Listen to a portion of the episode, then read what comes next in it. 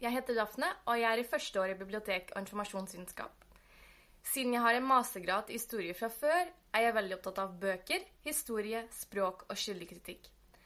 Derfor tenkte jeg at en bachelor innen bibliotek- og informasjonsvitenskap kunne være et interessant studie for meg. Studiet er en blanding av teoretiske fag og praksis. Det vil si at man lærer mer om grunnleggende teoretiske begreper innenfor fagfeltet før man går ut i praksis. Praksis gir også en mulighet til å bli kjent med arbeidsmiljøet og å lage et nettverk for framtida.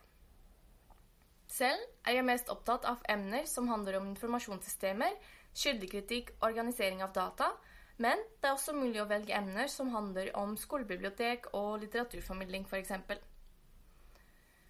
Alle som er interessert i kildekritikk, litteratur og å spre leseglede, bør søke på bachelor innen bibliotek- og informasjonsvitenskap. Vi har en stor blanding av studenter. Det er en del som kommer rett fra videregående, og det er en del som har studert tidligere.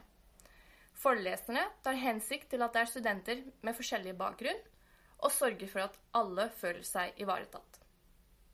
Det er også mulig å ta opp noen verv eller delta i studentaktiviteter.